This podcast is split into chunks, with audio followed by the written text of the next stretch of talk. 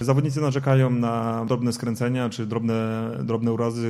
Jakby nad tym staramy się zapanować, nad czym możemy i przywrócić zawodników e, jak najszybciej do gry. Tutaj już na całe szczęście w pierwszy raz w tym sezonie zagra Michał Lemaniak, na którego bardzo czekaliśmy, bo tutaj razem z Mateuszem Wołańcem tworzą kompletną parę na prawym skrzydle. No nie zagra w tym meczu jeszcze Igor Drzazgowski, choć postawienie tego zawodnika na nogi było dla nas e, bardzo istotne i ta jego rehabilitacja w tym tygodniu się zakończy, ale w najbliższym meczu ten zawodnik jeszcze nie zagra. Nie będziemy chcieli ryzykować jego zdrowia po jednej odbytej jednostce treningowej. I tutaj wielkie słowa uznania dla naszego działu medycznego na czele z Krzysztofem Korbankiem i panem doktorem Irenuszem Czerncem, bo ten zawodnik naprawdę szybko, szybko się zregenerował i no, tam doszło do, do cudotwórstwa, można powiedzieć. Prawdopodobnie też w tym spotkaniu nie zagra Dominik Droździk, narzekał on na uraz mięśniowy, a tak poza tym raczej wszyscy zawodnicy będą dostępni, także prawdopodobnie na boisku nie zobaczymy Igora Drzazgowskiego, jeszcze zobaczymy co się wydarzy z Dominikiem Drodzikiem.